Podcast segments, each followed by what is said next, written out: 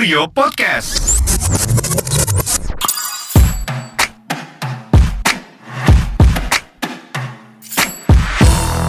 Assalamualaikum warahmatullahi wabarakatuh. Masya Allah, tabarakallah. Masih di bulan suci Ramadan yang penuh keberkahan. Balik lagi di kajian and chill. Sobat ngaji yang dimuliakan Allah subhanahu wa ta'ala. Kegembiraan kita menyambut bulan suci Ramadan baru terasa kemarin. Namun pada akhirnya kita pun akan berpisah dengan bulan suci Ramadan. Ingat teman-teman sekalian, sobat ngaji yang dimuliakan Allah, Ramadan yang kita lalui hari ini tidak akan pernah terulang lagi. Mungkin di antara kita masih banyak teman-teman yang mengatakan ya udahlah tahun depan aja gue full puasanya, tahun depan aja lah baru gue ngaji, tahun depan aja lah baru gue sholat terawih. Ketahuilah, Ramadan demi Ramadan itu adalah Ramadan yang berbeda. Kita mungkin masih punya umur untuk bertemu dengan Ramadan selanjutnya. Namun ketahuilah bahwa Ramadan kali ini sungguh berbeda dengan Ramadan tahun depan. Dan alhamdulillah ala kulli hal, goals kita sebenarnya dalam berpuasa adalah ketakwaan.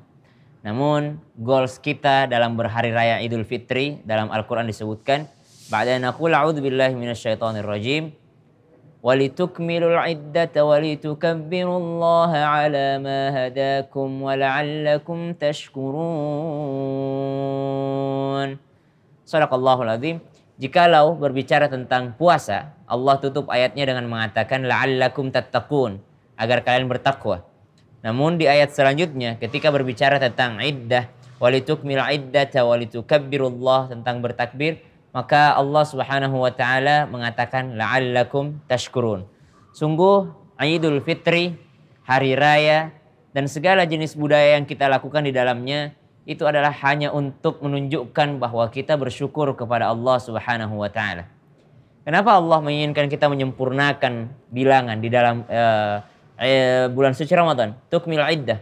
Kenapa Allah Subhanahu wa taala mengatakan walitukabbirullah dan bertakbirlah kepada Allah.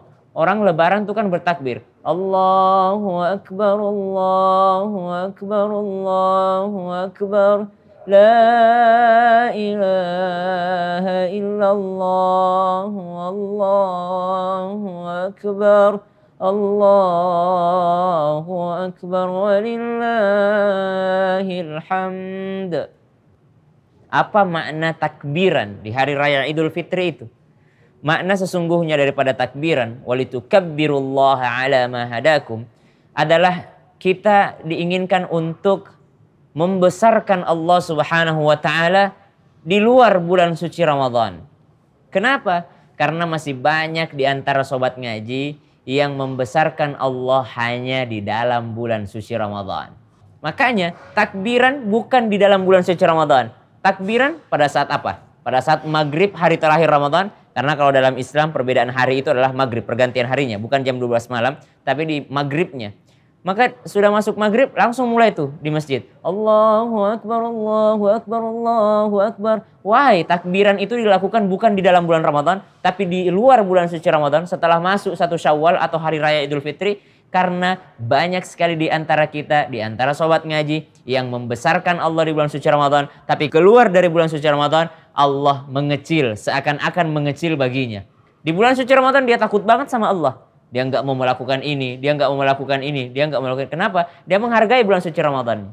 Tapi sungguh yang kita ibadahi bulan bukan bulan Ramadannya, tapi yang kita ibadahi adalah Allah Subhanahu wa taala. Allah itu mau di bulan Ramadan, di luar bulan Ramadan tetap Allah Maha Besar. Maka disebut takbiran, membesarkan Allahu Akbar. Allah itu adalah Maha Besar baik di dalam bulan suci Ramadan ataupun di luar bulan suci Ramadan. Itu makna yang namanya takbiran. Walitukabbirullaha ala ma hadakum wala'allakum tashkurun. Dan sungguh tujuan Idul Fitri adalah supaya kita semakin mensyukuri nikmat Allah Subhanahu wa taala. Bukankah kita ketahui bersama bahwa sebelum masuk Idul Fitri atau sebelum khatib naik di atas mimbar, itu kita diminta untuk berbagi. Zakat fitrah namanya, wajib untuk kita semua. Dan itu untuk apa? Untuk kita semua bisa bersyukur atas nikmat yang diberikan Allah. Semua yang hidup di hari bulan Ramadan itu mereka harus yang namanya berzakat fitrah. Kenapa? Supaya lebih mensyukuri nikmat Allah Subhanahu wa taala. Apa sih Idul Fitri itu sendiri? Dan apa yang kita lakukan di hari raya Idul Fitri dan apa yang harus diperbanyak di hari raya Idul Fitri. Salah satu sunnahnya adalah Nabi kalau berjalan ke masjid atau ke lapangan karena sunnahnya lebaran itu di lapangan sebenarnya di tanah lapang. Nabi SAW melewati jalan A menuju tempat lebaran dan Nabi SAW melewati jalan B ketika pulang. Nabi melewati jalan yang berbeda. Kenapa Nabi melewati jalan yang berbeda? Supaya melihat keadaan umat, supaya melihat keadaan sahabat. Maka hari raya Idul Fitri adalah hari raya berbagi, hari raya bergembira. Tapi dalam Islam kita diajarkan untuk tidak bergembira individual, tapi bergembira bersama-sama. Berbicara tentang Idul Fitri di Indonesia, masing-masing negara tuh beda-beda. Jadi sobat ngaji harus ngerti. Dan subhanallah, lebaran di Indonesia ini banyak sekali modelnya. Dan Islam itu tidak mengatur dan mengubah budaya yang tidak menyalahi daripada syariat. Jadi kalau ada budaya tidak menyalahi syariat, Islam itu tidak menghapusnya. Islam hanya masuk ke dalamnya. Contoh misalnya, lebaran di Indonesia diisi dengan mudik. Apakah dalam Islam mudik itu ada aturannya? Dalam Islam mudik itu tidak ada aturannya. Yang diatur adalah mudiknya. Apa kata baginda Nabi SAW? Kalau engkau dalam perjalanan minimal eh, tiga orang misalnya. Sunnah-sunnah tapi bukan wajib uh, angkatlah satu orang menjadi pemimpinmu. Kalau engkau dalam keadaan mudik, maka engkau yang namanya dapat keringanan dari Allah Subhanahu wa taala, bisa menjalankan yang namanya salat jamak qasar. Yang tadinya zuhur harus empat rakaat menjadi dua rakaat. Yang tadinya zuhur waktunya jam 12 dan asar di waktunya di jam 3 sore, maka ketika engkau dalam keadaan safar, maka engkau boleh melaksanakan langsung dua salat sekaligus, namanya jamak. Yang tadinya empat rakaat menjadi dua rakaat, namanya qasar dalam perjalanan Allah berikan rukhsah, Allah berikan hadiah untuk orang yang melakukan perjalanan perjalanan. Kemudian budaya apa lagi di Indonesia yang ada? Budaya silaturahim, jalan ke rumah tetangga yang mungkin pernah kita salah kepadanya. Budayanya apa? Budaya meminta maaf. Sebenarnya di masa Nabi ada nggak sih lebaran itu minta maaf, saling memaafkan? Karena di Indonesia kita ini kan selamat hari raya Idul Fitri, mohon maaf lahir dan batin. Sebenarnya dalam Islam tidak ada yang mengatur seperti itu. Namun karena tidak menyalahi syariat, maka tidak dihapuskan pula. Dan tidak ada salahnya untuk meminta maaf. Yang salah adalah ketika kita bersalah dan kita nunggu lebaran baru meminta maaf. Itu yang keliru.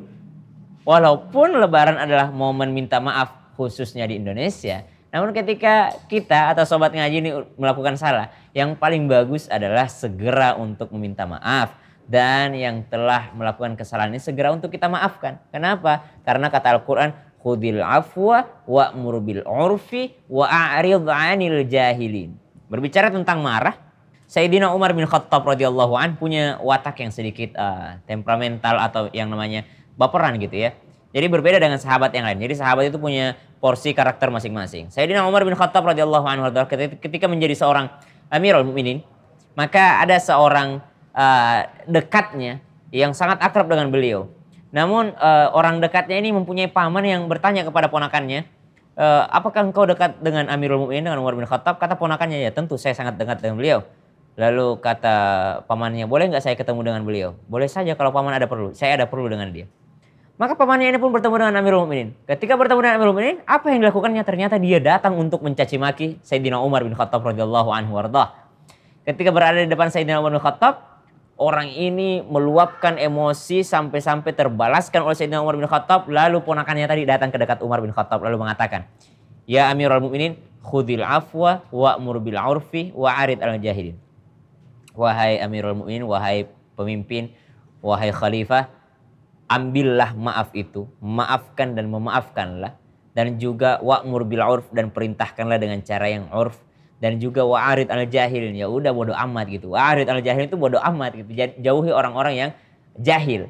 Maka Sayyidina Umar bin Khattab ketika marah dan susah untuk memaafkan dia mengulang-ulang ayat ini. Khudil afwa wa'mur bil urfi wa'arid al jahilin. Khudil afwa wa'mur bil urfi wa'arid al jahilin. Khudil afwa wa'mur bil urfi dia mengulang-ulangnya sampai tertanam di dalam hati beliau sehingga beliau pun memaafkannya. Jadi kalau misalnya teman-teman sobat ngaji yang dimuliakan Allah masih susah untuk memaafkan meski di bulan suci Ramadan atau meski udah masuk Idul Fitri masih susah untuk memaafkan coba cari ayat-ayat atau kalimat-kalimat positif tentang maaf sehingga kita bisa memaafkan orang lain nah budaya di Indonesia lagi apa lagi silaturahim sudah tidak menyalahi Islam kemudian mudik tidak menyalahi Islam mengunjungi orang tua budaya baju baru.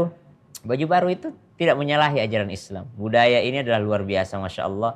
Yang salah adalah ketika kita membuang-buang uang. Tabdir atau israf. Kata Al-Quran begini. Ya bani Adam khudu zinatakum inda kulli masjidin wa kulu washrabu wa kulu washrabu wa la tusrifu innahu la yuhibbul musrifin. Kata Al-Quran, wahai anak cucu Adam, datangi masjid, zinatakum, pakai pakaianmu yang terindah, perhiasanmu, indah kulli masjid. Ketika engkau masuk masjid, makan dan minumlah. Wala tusrifu, tapi jangan engkau israf, jangan engkau mubadzir, jangan engkau menghambur-hamburkan uang, terlalu berlebihan dalam berbelanja. Innahu la yuhibbul musrifin. Allah tidak menyukai yang lebay. Allah tidak menyukai yang berlebih-lebihan. Tapi Allah tidak melarang kita untuk membeli baju baru untuk bulan suci Ramadan atau untuk beribadah. Namun sayangnya banyak teman-teman yang memakai pakaian terbaiknya di hari raya. Padahal itu adalah sholat sunnah. Namun terkadang dia memakai baju yang sangat biasa atau baju yang sudah usang untuk sholat yang wajib. Maka dari itu setiap menghadap sama Allah Subhanahu wa taala, gunakan pakaian terbaikmu. Jangan hanya ketemu ceweknya aja dia pakai pakaian terbaik. Jangan hanya ketemu gebetannya aja. Jangan karena mau ketemu bos, mau ketemu manajer, mau ketemu presiden dia pakai pakaian terbaiknya. Tapi ketika bertemu dengan Allah Subhanahu wa taala, dia pakai pakaian sederhananya. Zuhud itu, zuhud itu istilah ketika orang tidak menggambarkan dirinya keren. Zuhud itu bukan berarti kita tidak berpenampilan keren, tapi zuhud itu adanya di dalam hati. Itulah mungkin pembahasan sedikit tentang hari raya Idul Fitri di mana kita harus bertakbir di hari raya Idul Fitri. Kenapa takbir? Karena supaya kita tidak hanya membesarkan Allah di dalam bulan suci Ramadan, tapi keluar dari bulan suci Ramadan, Allah tetap maha besar. Allah itu tetap maha besar, baik di dalam bulan suci Ramadan ataupun di luar bulan suci Ramadan. Memperbanyak bersyukur dengan cara berbagi zakat fitrah, ya. Kemudian memperbaiki ibadah kita kembali dan yang paling penting adalah Sahabat Rasulullah Sallallahu Alaihi Wasallam ketika mau masuk bulan suci Ramadan mereka berdoa, Allahumma balighna Ramadan. Ya Allah, pertemukan aku dengan bulan Ramadan. Pertemukan aku dengan bulan Ramadan. Pertemukan aku dengan bulan Ramadan. Tapi ketika keluar dari bulan suci Ramadan, mereka berdoa, "Ya Allah, terimalah amal ibadah Ramadanku. Allahumma taqabbal minna. Ya Allah, terima amal ibadahku, terima amal ibadahku." Enam bulan sebelum masuk bulan Ramadan, mereka berdoa supaya ketemu dengan bulan Ramadan. Enam bulan sampai enam bulan setelah bulan suci Ramadan, mereka selalu berdoa, "Ya Allah, terima amal ibadahku di bulan suci Ramadan kemarin." Semoga Allah Subhanahu wa taala menerima ibadah kita semuanya di bulan suci Ramadan kemarin. Allahumma taqabbal minna salatana wa siyamana wa qiyamana wa ruku'ana wa sujudana wa zakatana wa qira'atana dan insyaallah mudah-mudahan kita bisa bertemu lagi di kajian Encil selanjutnya. Wassalamualaikum warahmatullahi wabarakatuh. Selamat hari raya Idul Fitri.